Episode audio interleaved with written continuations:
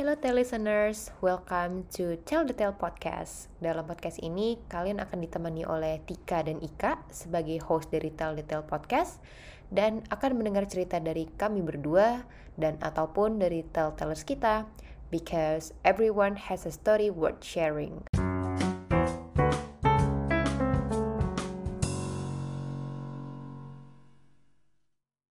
Halo listeners, halo Mbak Ika, apa kabar? Halo Tika, kabar baik Alhamdulillah. Tika gimana kabarnya? Sehat. Um, semoga aku tadi mau udah keceplosan ngomongin topik kita, tapi nanti dulu ya.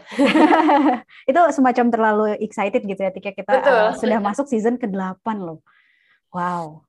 Ini Alhamdulillah. Luar biasa banget sih. Dan ini sebenarnya kalau kalau walaupun kita harusnya celebrate karena uh, Tell the Tale ini uh, anniversary sebenarnya di bulan ini. Betul sekali. Di saat kita memasuki season baru ya. Yes, setuju Tapi, banget. Kita merayakan sendiri ya sekarang ya. Ya, kita merayakan dengan rasa syukur aja ya Tik ya karena kita masih Betul. konsisten sampai season ke-8 ini ya. karena ternyata kita tidak menyangka juga kalau konsisten sampai sekarang ya ternyata. Benar, benar. Di tengah kesibukan yang kayaknya sebenarnya beberapa bulan terakhir lumayan padat kita ya Tik ya, tapi kita uh, berusaha komit uh, untuk uh, terus membuat konten-konten yang mudah-mudahan bermanfaat ya buat listeners. Amin, amin. Karena kan manfaatnya um, ya berharapnya nggak cuma buat diri kita sendiri, tapi semoga bisa juga bermanfaat buat listeners di luar sana ya. Setuju banget, setuju Oke, okay. nih mungkin sebelum kita reveal ya, um, hmm. kita mau ngomongin apa? Kita seperti biasa bahas dikit ya dari season yang sebelumnya yaitu tentang buku ya Mbak X. Ya, walaupun kayaknya kemarin nggak nggak terlalu uh, banyak ya, kita rasa cepet aja gitu udah satu season selesai Betul. karena kita kayak cuma mengundang uh, empat empat tellers ya di season tentang buku, tapi banyak banget insight-nya karena uh, ada yang hobi baca buku, ada yang penulis juga ya Tik ya. Betul. Dan ternyata um, insight-nya itu ada beberapa hal yang terkait sama apa sih yang dituangkan oleh orang tua kita masing-masing ketika kecil iya. terkait dengan membaca buku atau ya pengetahuan juga gitu yang memang ternyata terbawa juga sampai besar gitu ya tapi um, atau bukan makna membaca buku ya tapi sebenarnya apa sih yang dicari dari membaca buku itu sendiri di setiap orang ternyata juga akan berbeda-beda banget ya benar maknanya ya ada juga yang baca tuh ya buat escape gitu ya ada yang mm -hmm. emang awalnya buat isi waktu, ada yang memang untuk uh, memperlebar sudut pandang juga gitu oh. ya. Yes. Ya, buat ya, teman-teman ya. yang belum sempat dengar um, season kemarin silahkan boleh kalau mau direvisit lagi gitu karena hmm. obrolannya cukup ringan um, tapi tetap ada beberapa insights juga gitu ya jadi hmm. bisa jadi referensi juga barangkali lagi mau nyari gue mau baca buku apa ya gitu setuju karena banyak banget judul-judul buku yang dimention sama telltellers kita ya Tek ya Setuju banget. Dari berbagai genre ya, baik fiction maupun non-fiction juga ya Mbak X. Ya, benar, benar banget. Oke. Sudah ready untuk um, next season kita. Ya ini udah nggak sabar banget sih sebenarnya. Kayak banyak banget yang mau kita share soalnya ya di introduction season baru Betul. ini. Sampai takut kepanjangan ya. Sampai takut kepanjangan benar-benar. Oke, jadi langsung aja ya. Jadi memang di um, season kali ini kita akan hmm. membahas topik terkait dengan well-being Ya. Wow, kedengeran berat nggak nih? Enggak ya? Agak ya, tapi kita buat ringan. betul betul. Um, sebenarnya ada ada beberapa alasan yang baik kenapa kita mengangkat ya. topik well-being ini. Pastinya um, ini ya boleh dibilang bukan bukan topik ringan, tapi jadi ada pengetahuannya juga gitu ya. Karena kita hmm. berharap hmm. nanti dari obrolan baik dari yang kita berdua ataupun dari tell tellers kita juga hmm. pastinya akan ada banyak practical knowledge gitu ya yang mungkin kita belum tahu gitu. Cuman dengan kita membahas tentang well-being jadi ada insight juga gitu. Ya, benar banget, Tik. Karena uh, kenapa kita mengangkat topik ini juga, mungkin seperti yang listeners tahu ya, di bulan Oktober ini, uh, beberapa waktu lalu kita juga uh, baru celebrating, ya, yeah, celebrating um, Mental Health Day. Jadi itu kalau nggak salah hari mental health uh, sedunia ya. Jadi sebetulnya internasional dirayakan dan kayaknya memang beberapa waktu lalu udah banyak banget tuh webinar-webinar gitu ya mengenai ya. mental health awareness dan sebagainya. Jadi uh, sepertinya tepat timing ya kalau kita angkat topik ini uh, belum lagi juga dengan situasi saat ini ya walaupun yang kita uh, mungkin kita bisa bilang alhamdulillah saat ini situasi pandemi di Indonesia sudah sangat jauh membaik ya. dibandingkan ya. beberapa bulan lalu um, tapi uh, memang apa ya mungkin bukan hanya karena situasi pandemi terus uh, kemudian isu well-being menjadi penting ya tapi uh, ketika situasi pandemi mungkin malah menjadi lebih penting lagi isu ini untuk dibahas gitu jadi Um, mungkin itu sih beberapa alasan kenapa kita tertarik banget untuk mengangkat topik ini ya, Tik. Betul, betul. Dan nantinya memang ketika membahas well-being, kita mungkin akan mencoba lihat dari dua main perspektif ya Mbak X. Jadi yang hmm. tadi pertama Mbak Ika juga sudah sebutkan lebih ke arah dari mental health, kemudian ya. yang kedua juga pastinya dari physical health juga gitu ya. Um, faktor lain pasti sebenarnya masih banyak lagi ya gitu. Cuman kalau kita hmm. lihat dari um, secara garis besar ini akan um, salah dua faktor utama yang memang ya akan berpengaruh lah terhadap keseluruhan well-being kita seperti itu. Betul, bisa jadi saling melengkapi ya. Jadi Betul. physical health itu melengkapi mental health dan begitu juga sebaliknya. Betul. Nah, kalau dari Mbak Ika sendiri nih um, melihat well-being gitu ya, kan hmm. agak berat nih kesannya. uh, yang kita memang bisa lihat dari dua perspektif tadi gitu. Cuman um, biasanya kalau Mbak Ika melihat well-being secara keseluruhan juga um, punya pandangan yang seperti apa nih Mbak Ika? Oke, okay, mungkin uh, kalau aku akan mencoba melihat dari perspektif mental health kali ya, karena um, memang ya aku uh, kebetulan kebetulan sekolahnya dulu uh, psikolog klinis, jadi sebetulnya mental health itu adalah salah satu area yang secara konsep aku pelajari pada saat kuliah gitu ya, uh, dan sebetulnya idealnya juga berpraktek as, as a clinician sebagai psikolog gitu, tapi kemudian aku memilih jalur karir yang berbeda Uh, tapi masih sering sih so far ngobrol-ngobrol sama teman-temanku yang uh, praktisi ya dan yang masih uh, terus aktif uh, mempromote uh, mental health gitu. Jadi kalau aku sih ngelihat kalau ngomongin well-being pasti luas banget ya. Tapi kalau kita persempit sedikit ke mental health, uh, menurutku sih kalau kalau kita ngomong seberapa penting gitu ya, itu sih uh, ya pasti penting banget ya. Uh, karena tadi tuh kalau kita ngomongin uh, physical sama mental itu kan berkaitan tuh jadi kalau kita uh, miss menjaga salah satunya itu bisa berdampak ke semuanya gitu. Jadi uh, ya kayak mental health itu misalnya kayak uh, contoh nih kita misalnya lagi lagi cemas gitu atau misalnya uh, karena aku tipe yang orang yang anxious ya. Jadi kalau misalnya ada hal kecil yang mengganggu gitu tuh bisa kepikirannya tuh lama banget gitu.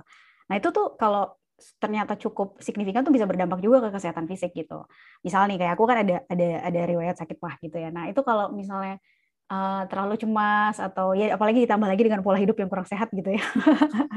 Ya udahlah itu itu bisa itu bisa akhirnya berdampak ke kesehatan fisik. Jadi pentingnya di situ sebenarnya. Uh, dan apa ya mungkin kalau dari aku pribadi ya uh, mengelola mental health kita itu sebetulnya bisa dengan uh, kalau yang sekarang aku lakukan gitu itu mencoba untuk uh, awalnya emang harus mengenali diri kita dulu ya. Misalkan kayak uh, kenapa sih uh, apa yang biasanya bikin kita stres gitu terus kayak karena kan kalau misalnya trigger atau masalah itu kan pasti ada terus ya. Kita nggak mungkin kayak bisa menghindar dari masalah atau berharap uh, ya hidup ini tanpa masalah sehingga kita nggak stres gitu. Jadi uh, emang harus uh, menerima fakta dulu bahwa ya stres itu pasti datang, masalah itu pasti ada gitu. Nah mungkin kalau dari aku sih lebih ke sampai saat ini masih terus belajar sih mengelola uh, mengenali gitu ya oh kalau kalau ada tanda-tanda kayak gini oh berarti aku memang lagi lagi cemas nih gitu Uh, terus gimana ya kira-kira caranya dengan gayaku sendiri gitu, dengan dengan uh, apa yang memang biasa biasa aku lakukan gitu. Itu sih kalau kalau dari aku.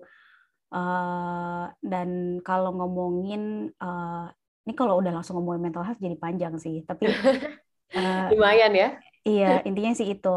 Cuman kalau kalau kalau kita ngomongin awareness juga ya, uh, ini mungkin yang aku mau highlight sih kalau uh, kaitannya kita ngomongin mental health karena dulu pada saat aku masih baru awal-awal banget lulus uh, sebagai psikolog klinis gitu ya itu belum kayak sekarang nih belum kayak sekarang. Yang awareness itu masih uh, dulu tuh masih masih ya jauh lebih lebih kecil lah ya dibanding sekarang gitu. Artinya ketika uh, orang uh, misalkan mau konsultasi ke psikolog gitu itu masih ada um, stigma-stigma seperti oh sampai harus ke psikolog emang udah separah itu gitu. Padahal kan uh, ya sebenarnya selayaknya kita ke dokter ya kita kan pasti nggak nggak mau nunggu parah dulu baru ke dokter gitu. Pasti kalau kita merasakan gejala-gejala ya sedini mungkin kita ke dokter supaya bisa ditangani lebih baik. Gitu. Jadi sebenarnya uh, itu sih hal-hal seperti itu. Tapi yang aku rasakan sekarang dengan udah banyak platform-platform uh, konsultasi online uh, dan ternyata sudah cukup banyak orang yang aware untuk oh kita bisa optimalkan nih, kita bisa manfaatkan nih itu itu pertanda sangat baik gitu itu pertanda sangat baik dan aku happy sih melihat perkembangan itu meskipun sekarang aku udah nggak berpraktek sebagai psikolog ya gitu tapi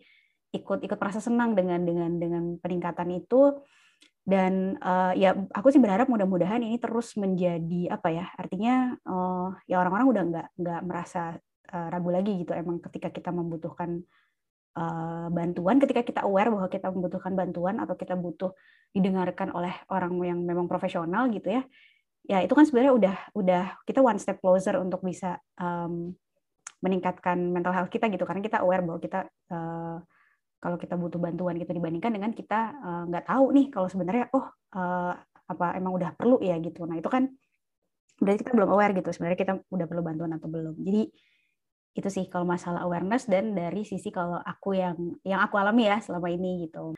Uh, mungkin kalau misal dari sisi physical health kayaknya lebih pasti kasih yang mengenai well-being. Karena walaupun dulu aku aku uh, ya aku suka lari ya aku juga termasuk yang cukup um, apa namanya uh, aware juga dengan apa apa asupan gitu ya nutrisi yang masuk ke tubuh tapi nggak sampai segitunya sih jadi itu motivasinya naik turun jadi kayaknya uh, lebih pas kalau untuk dari aspek fisik kayaknya Tika deh yang mungkin punya cerita lebih banyak. Semoga ya baik ya. Cuman kalau tadi memang kita membicarakan mental health, aku juga bersyukur banget sih karena awareness-nya sangat evolve ya. Kalau kita lihat dari mungkin beberapa ya tahun sebelumnya atau dekade sebelumnya gitu yang orang melihatnya juga udah dengan kacamata yang berbeda, dengan kebutuhan yang berbeda juga gitu. Jadi it's a good thing lah ya buat kita sekarang ya. Ya, setuju. Oke, oke. Um, dan itu memang ini sih menurutku proses journey ataupun juga eksplorasi yang kayaknya nggak akan ada habisnya sih gitu. Um, karena berkaitan juga dengan proses mengenal diri sendiri juga atau benar-benar kayak peka gitu loh. Ini kalau gue ngerasain kayak gini sebenarnya apa yang terjadi ya dan emang ya satu dua kali waktu butuh bantuan profesional itu sangat amat wajar gitu. Dan untungnya memang sekarang juga udah udah lebih terbuka. Jadi semoga um, awareness-nya dari masyarakat pun juga udah jauh lebih meningkat juga ya Mbak Iks ya. Iya, iya, uh, setuju sih mudah-mudahan. Cuma memang harus uh, satu hal yang aku juga um, sadari ya. Sebenarnya seiring dengan meningkatnya awareness itu ada another issue nih. Karena uh, gak tahu ya ini uh, mungkin mungkin Tika bisa share pengalaman Tika juga uh, yang di yang diamati dari sosial media gitu. Tapi aku juga cukup sering ngelihat orang sekarang jadi mudah melakukan uh, self diagnosis gitu. Karena hmm. kayak dan dan menggunakan label-label yang uh, sebetulnya kalau misalkan ini uh, kalau dari perspektif psikolog ya gitu itu ketika kita melakukan diagnosa itu sebenarnya sama loh kayak dokter. Kita nggak bisa sembarangan menegakkan diagnosis gitu. Jadi kita nggak bisa misalkan tiba-tiba bilang oh apalagi orang-orang sekarang udah udah kayak familiar dengan label-label seperti uh, depresi terus juga ya bahkan sampai uh, kayak istilah istilah-istilah seperti antisosial, uh, psikopat, sosiopat gitu. Jadi jadi lebih mudah untuk melabel tidak hanya diri sendiri tapi juga orang lain itu yang bahaya gitu. Padahal uh, sebetulnya kalau secara kaidah-kaidahnya tuh kita memang punya langkah-langkah uh, gitu ya untuk menegakkan diagnosis. Ada panduannya, ada ada tekniknya gitu, ada ada ada langkah-langkah yang harus dilakukan. Sama halnya kalau misalkan kayak kita ke dokter, nggak akan kan dokter mendiagnosa langsung oh sakit A sakit B gitu pasti ada ada ke lab dulu, ada ronsen dulu, gitu-gitu kan ya, ada USG dulu, uh, CT scan dan sebagainya. Jadi itu sih yang aku juga sebenarnya pengen highlight ya, dan mungkin nanti uh, aku juga pengen dengar perspektif edukasi terkait hal itu gitu. Tapi itu yang aku amati sih sekarang ini, apalagi dengan udah banyaknya informasi yang beredar di sosial media. Betul betul. Ya ini memang ini sih um, ya mungkin konsekuensinya kali ya. Iya. Berkembangnya teknologi ataupun kemudahan informasi yang didapatkan juga. Ya ini mungkin agak mirip ketika dulu kita ngebahas yang COVID ya Mbak X. Um, betul. Ya balik lagi kitanya yang harus pinter juga gitu untuk melihat dan gimana memproses semua informasi yang datang tersebut gitu. Ya. Oke. Nah tadi ini ya udah disinggung sedikit kalau ngomongin tentang physical health gitu. Mungkin ya kalau dibilang um, punya journey sendiri, iya sih kalau boleh aku bilang ya hmm. gitu. Walaupun ya sama aja kayak mental health gitu. Ini never ending journey dan never ending exploration juga gitu karena tubuh kita ini kan kompleks ya, baik secara ya. mental ya. maupun fisiknya gitu. Mempelajari mental kita jalannya seperti apa juga kompleks. Kemudian yang fisiknya pun kayak what's actually happening in our body aja menurutku kayak kayak dulu gue belajar biologi nggak ngaruh banget kayaknya sekarang pengetahuannya juga ternyata masih banyak banget kalau kita mau memahami diri apa tubuh sistem tubuh kita gitu ya. Ada metabolisme lah pencernaan segala macam gitu. Nah mungkin kalau flashback sedikit kenapa um, ya mungkin di beberapa kali di Instagram aku sering share juga ya. Kalau ya aku suka yoga juga. Kemudian um, ada beberapa makanan yang aku juga um, ya suka share juga lah terkait dengan clean eating atau beberapa hal yang kayak menurut aku um, ini sehat untuk dimakan misalnya gitu. Um, ini memang nggak nggak tiba-tiba seperti ini juga. Jadi perjalanannya udah panjang gitu. Mungkin kalau boleh flashback sedikit, memang aku mulai aware itu pas kuliah tingkat tiga kali ya kira-kira. Dan itu common sih, dimulainya dengan karena ngerasa berat badan seperti tidak enak gitu ya. Terasa keberatan lah, aka. Jadi mulai ngerasakan itu tuh ketika memang ya mau gerak ngapa-ngapain kok lebih sering mageran, sering ngantukan juga. Terus kayak gue punya baju kok gue pakai tuh nggak ada yang nggak ada yang pas karena memang ya badannya nggak ada yang nggak beres gitu. Cuman kan balik lagi dulu informasi yang aku cari juga cukup terbatas. Terus dulu maunya instan, pokoknya gue harus kurus itu aja yang diingat gitu. Terus ya memang ketika harus mengurangi porsi nutrisi yang paling cepat bikin kurus ya apa? Nggak makan karbo gitu kan. Dan ya. aku praktekkan dulu, aku tidak makan nasi sama sekali. Terus kayak cuman makan tuh roti gandum doang kalau pagi gitu. Dan itu dulu aku kayak dalam nggak nyampe setahun beratku dari 62-an aku turun kayak jadi cuma 48 gitu. Itu kurus wow. banget kan ya. Oke. Okay, ada zaman yeah. kuliah itu. Tapi ternyata ada efeknya. Aku nggak period selama tiga bulan karena berefek kepada hormon yang terganggu gitu. Sampai akhirnya aku ke dokter, sampai ke dokter juga lah waktu itu. Terus, tapi kan memang ya harus diakui dulu aku tidak mencari informasi dengan komprehensif juga gitu loh. Aku hmm. cuman um, yaitu yang ngekat ngekat karbo dan anak lari banget waktu dulu. Itu kayak hmm. di Jatinangor yang um, jalanannya naik turun terjal itu aku kuat lari kayak 7-8 kilo yang nanjak-nanjak gitu karena dari nggak pernah olahraga sama sekali dan ketika habis olahraga kan ngerasa seger, badan lebih ringan. Jadi emang nagih terus gitu kan. Jadi larinya hmm. kuat banget dulu. Terus, nah itu awal mulanya tuh kenapa kenapa concern lah gitu. Setelah itu justru hidupku naik turun sekali gitu, baik dalam hal pengetahuan tentang nutrisinya, olahraganya pun juga naik turun. Jadi yang kalau memang lagi konsisten bisa konsisten banget, tapi kalau misalnya lagi enggak, itu lossnya bisa kelewatan gitu yang aku juga lupa sampai gue ngelakuin ini karena kenapa ya gitu. Emang hanya untuk karena kurus, emang hanya untuk karena um, bisa ngurangin berat badan aja gitu. Jadi sempat hilang ininya lah, hilang arahan sebenarnya uh, yang dipelajari terus sebenarnya kayak tetap nyari tahu sebenarnya pola makan yang baik itu gimana, olahraga yang benar juga kayak apa, tapi lost in objektifnya lah gitu. Jadi ya. nggak jelas aja gitu. Jadi kalau ya tetap sih nggak makan nasi gitu ya, olahraga juga tetap gitu. Cuman aku banyak melupakan faktor-faktor lainnya sebenarnya apa yang mau dicari gitu. Nah, hmm. jadi naik turun lah itu sampai akhirnya di suatu titik aku ketemu ada suatu pola makan yang menurut aku setelah aku baca semuanya ini paling make sense gitu yaitu adalah clean eating. Um, yang aku beberapa kali pernah share juga sih di Instagram. Aku belajar dari Mbak Inge gitu. Jadi aku ikut workshop clean eating dari Mbak Inge. Mungkin teman-teman bisa cek juga ada ada Instagramnya juga di Project Eating Clean.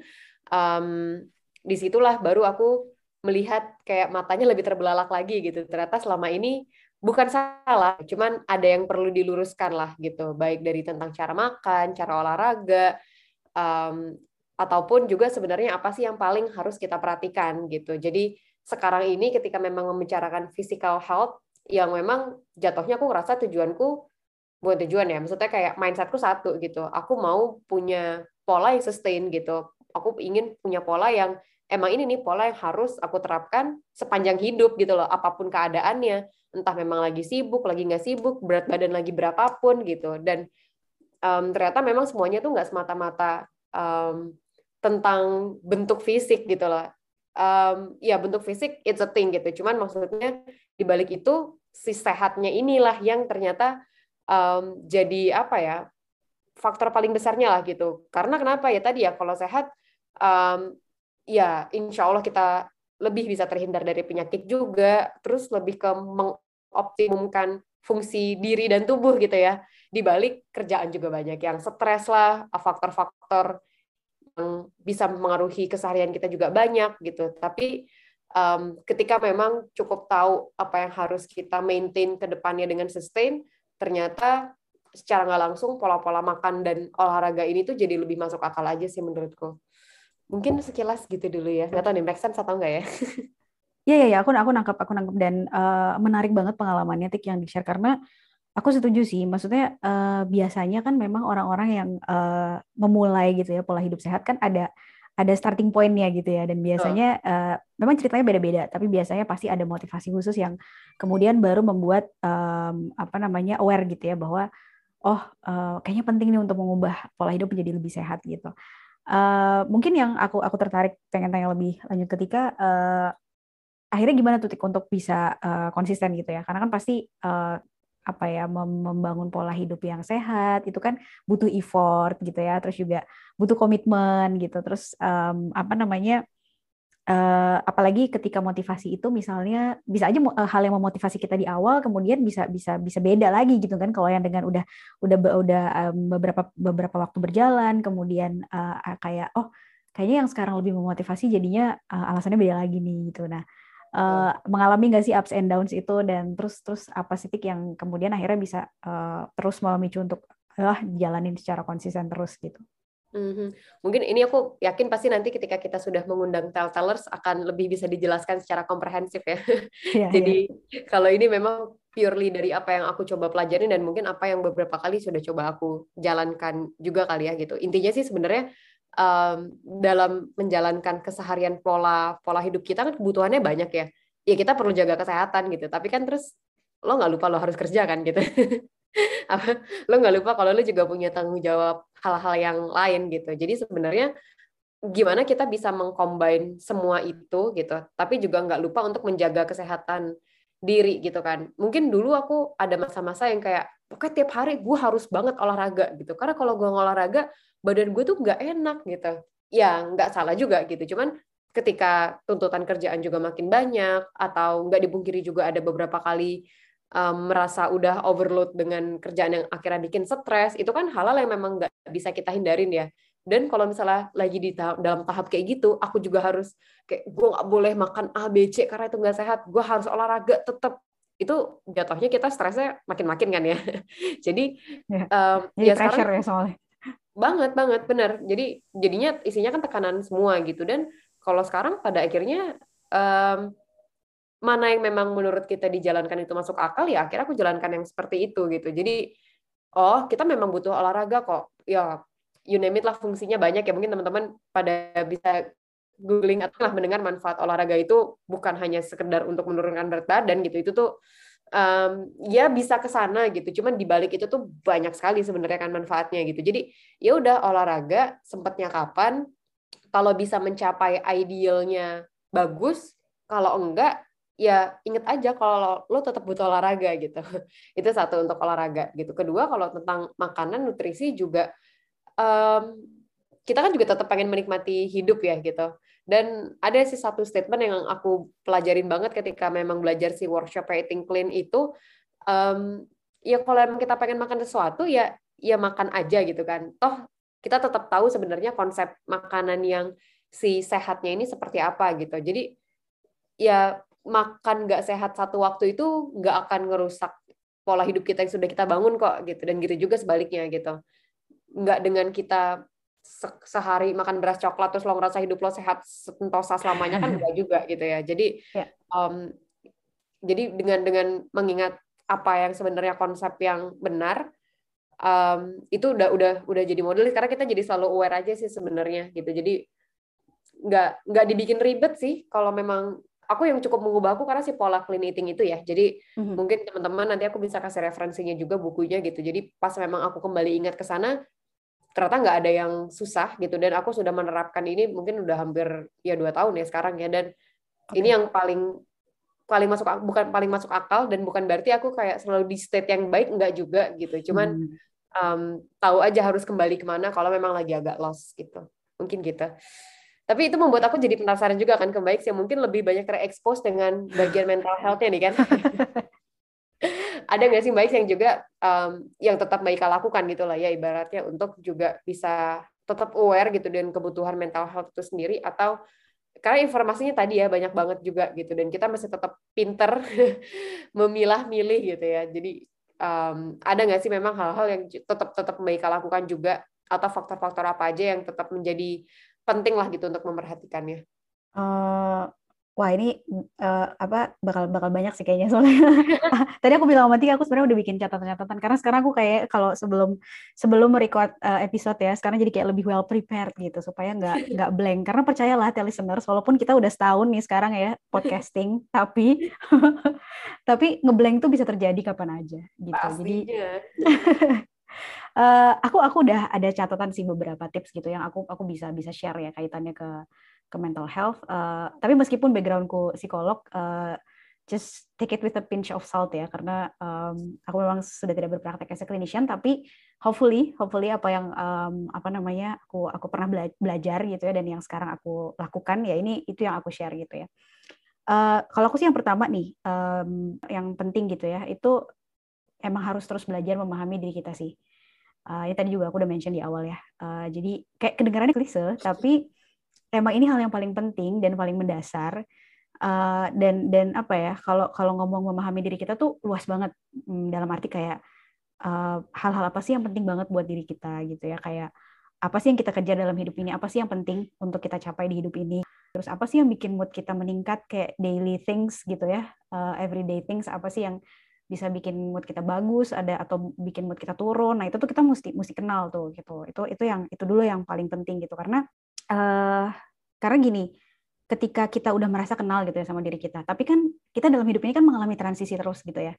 Dan aku aku sendiri tuh mengalami tuh gitu. Aku sendiri mengalami ketika kita uh, mengalami transisi hidup terus ternyata ada hal yang kita kayak baru aware gitu.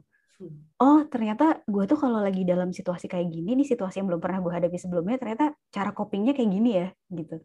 Hmm. Nah, itu yang akan uh, kemudian jadi pengetahuan baru tuh buat kita. Kita jadi lebih kenal lagi gitu. Kayak contohnya waktu aku um, pertama kali uh, tinggal jauh dari orang tua ya waktu aku pertama kali ke UK gitu tinggal sendiri hidup mandiri itu tuh uh, banyak banget tuh lesson learn-nya gitu karena aku baru tahu kayak oh ternyata kalau aku survive sendirian kayak gini ya uh, ternyata cara survive-ku tuh kayak gini ya gitu terus ternyata ketika aku nggak punya um, support system yang biasanya aku punya gitu ya di di di dekatku secara fisik gitu oh ternyata begini cara aku kemudian menghandle uh, stresku dan sebagainya jadi kita makin kenal gitu kita makin kenal nah itu itu penting sih gitu. Terus juga kayak misalkan kayak di pekerjaan gitu. Kita kan mungkin aja uh, ganti role gitu ya. Mungkin sebelumnya uh, kita jadi team member terus mungkin someday kita bisa aja jadi team leader gitu. Dan aku juga pernah mengalami itu dan di situ aku juga belajar, oh ternyata kalau aku memimpin tim aku kayak gini ya gitu. Oh ternyata kalau aku lagi jadi um, anggota tim aku kayak gini ya gitu. Nah, itu yang aku selalu kayak um, mencoba untuk mempelajari terus dan mengenal lagi mengenal lagi gitu. Karena itu uh, kalau buatku sih cukup membantu ya karena terus kemudian kita tahu apa yang kita butuhkan ketika kita misalnya um, tadi itu lagi cemas, lagi stres gitu atau kita tahu apa yang harus kita lakukan untuk meningkatin mood kita untuk tetap bisa uh, produktif meskipun kita lagi lagi cemas atau lagi ada yang dipikirin gitu. Itu sih yang pertama. Nah, kedua kalau buat aku ya ini berlaku buat aku mungkin buat orang lain bisa beda. Tapi biasanya uh, cara aku memaintain um, mental health juga itu keep myself busy sih. Karena itu tadi aku termasuk orang yang pencemas ya. Jadi kayaknya di isi kepalaku tuh ada terus gitu yang dipikirin gitu. Karena kadang-kadang juga hal-hal nggak penting gitu. Misalnya kayak abis presentasi gitu ya di kantor di meeting gitu terus ada kayak ada ada hal yang aku sampaikan tuh kayak kurang pas gitu. Itu tuh kadang-kadang bisa kepikirannya semalaman gitu uh, sampai kayak gitu gitu. Nah terus kemudian uh, tadi ya dengan kayak udah mengenali oh ini kayaknya aku cemas nih masih mikirin masalah yang tadi. Tapi itu pelan-pelan aku bisa hmm, apa ya mencari distraksi dengan hal-hal yang lebih produktif gitu. Aku ngerjain kerjaan hal yang lain atau aku baca buku atau atau kayak sekarang bahkan ya udah kalau pengen cari yang santai-santai um, ya Netflix atau apa gitu ya. Jadi mencari aktivitas lain yang menyenangkan atau yang juga uh, bisa produktif gitu. Terus yang ketiga uh, yang aku juga coba belajar lakukan ya it's okay to put yourself first sometimes. Jadi kayak uh, karena dulu du, dulunya dan mungkin emang uh, aku orangnya tuh kadang-kadang suka kayak um, susah banget bilang enggak um, kayak takut banget mengecewakan orang lain gitu ya. Itu itu tipe yang aku banget nggak tahu sih Ika uh, apa namanya merasakan juga atau enggak gitu ya. Uh, sebagai orang yang udah kayak udah beberapa tahun sekarang kita berteman. Jadi um, aku mulai belajar untuk uh, balance sih. Jadi kayak ada ada masanya ketika kita emang harus uh, mementingkan diri kita ya. Dalam arti bukan bukan selfish tapi kayak uh, ya udah kalau emang kita uh, merasa oh kita kita harus menolak untuk kepentingan maksudnya untuk kebaikan kesehatan mental kita ya ya menolak lah gitu dengan dengan cara yang baik gitu ya. Atau kayak misalkan termasuk memfilter informasi gitu.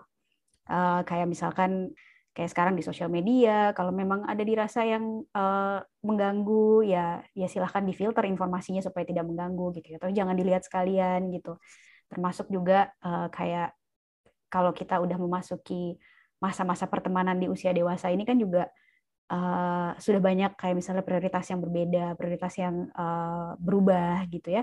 It's okay untuk kita uh, memperkecil circle kita untuk apa ya punya punya pertemanan yang lebih uh, apa ya lebih kayak fokusnya ke quality gitu bukan quantity gitu. Itu juga aku aku coba coba uh, lakukan juga sih. Uh, kemudian juga yang juga penting support system sih. Ini kalau buat aku ya, karena aku tipe orang yang um, saya sangat bukan bukan sangat butuh support kok kayaknya dependent banget tapi maksudnya aku termasuk orang yang rely on my support system ketika memang uh, aku merasa perlu gitu ya uh, apakah itu keluarga apakah itu teman gitu jadi uh, itu sih yang juga cukup aku uh, alhamdulillah aku bersyukur sekali karena ada di lingkungan uh, pertemanan yang uh, suportif ya selama ini gitu dan begitu juga dengan dengan keluarga gitu. Jadi uh, itu juga sangat penting sih dan dan temukan support system uh, masing-masing lah. Itu pasti kita kita tahu lah kita harus kayak kalau mau cerita atau misalkan mau minta pendapat itu ke siapa gitu um, itu yang yang tetap harus dijaga sih kayaknya support system itu ya dijaga baik hubungannya gitu itu sih kalau yang uh, dari aku. Karena kalau buat aku uh, kadang ketika misalnya gini uh, orang ketika lagi punya masalah terus kemudian bercerita mungkin nggak hanya aku tapi kalau kita semua kalau kita lagi punya masalah kan kita uh, pengen cerita sama orang gitu ya. Dan kadang-kadang yang kita cari bukan solusi sebenarnya tapi ya cuma pengen didengerin aja gitu. Karena ternyata uh, itu sudah sudah membuat kita feel better gitu. Jadi listeners kalau misalkan ada teman-teman yang teman-temannya nih yang lagi curhat didengerin ya jangan sambil hmm, lihat Instagram gitu atau melakukan hal-hal lain karena sebenarnya yang penting itu adalah didengarkan dan itu it, it helps a lot gitu. Jadi itu sih yang uh, aku rasakan juga. Uh, wih itu sih udah dan ternyata panjang ya banyak tapi itu tapi yang itu yang aku membuat berefleksi pasti sih tadi dengan poin-poinnya Mbak Ika. Ya ya. Uh, itu kalau dari sisi mental health ya. Uh, tadi sih Tika juga sebenarnya udah share beberapa tips-tipsnya juga uh, kalau dari uh, sisi menjaga pola hidup sehat yang uh, fisik ya. Tapi uh, kalau mungkin kalau aku uh, boleh menambahkan sedikit juga kalau kalau dari segi uh, physical health ya atau pola hidup sehat sih sebenarnya aku belum terlalu kayaknya belum sekonsisten Tika ya gitu. Artinya uh, ada ada periode di mana aku ya gitu tadi rutin uh, lari gitu ya olahraga gitu. Tapi sejak pandemi memang ada ada penurunan motivasi dan sekarang nih sebenarnya lagi mau mencoba untuk uh, dirutinkan lagi dan lebih konsisten lagi tapi mudah-mudahan sih mudah-mudahan bisa gitu. Mudah-mudahan kayaknya abis dengar episode-episode selanjutnya nih yang ada banyak teman-teman kita yang kasih tips-tips, kayaknya sih mudah-mudahan jadi lebih termotivasi ya Tik ya. Agak terdorong gitu ya jadinya. Ya. iya iya. Ya, ya. Tapi tadi dari poin-poin yang baik ini sih, um, mungkin kita karena terlalu sibuk juga kali ya biasanya dalam dalam keseharian sehari-hari itu. Jadi lupa lah untuk melakukan poin-poin yang tadi juga sudah Mbak Ika sebutkan gitu. Karena kan sebenarnya itu hal hmm. ya banyak sekali hal simpel gitu loh. Bukan ya kita butuh tool sesuatu untuk bisa refleksi diri, bisa pahamin diri juga, atau kayak support system tuh definisinya juga kayak apa kan bukan berarti support system yang kayak orang harus sama kita 24 jam juga kan enggak juga gitu kan tapi ya.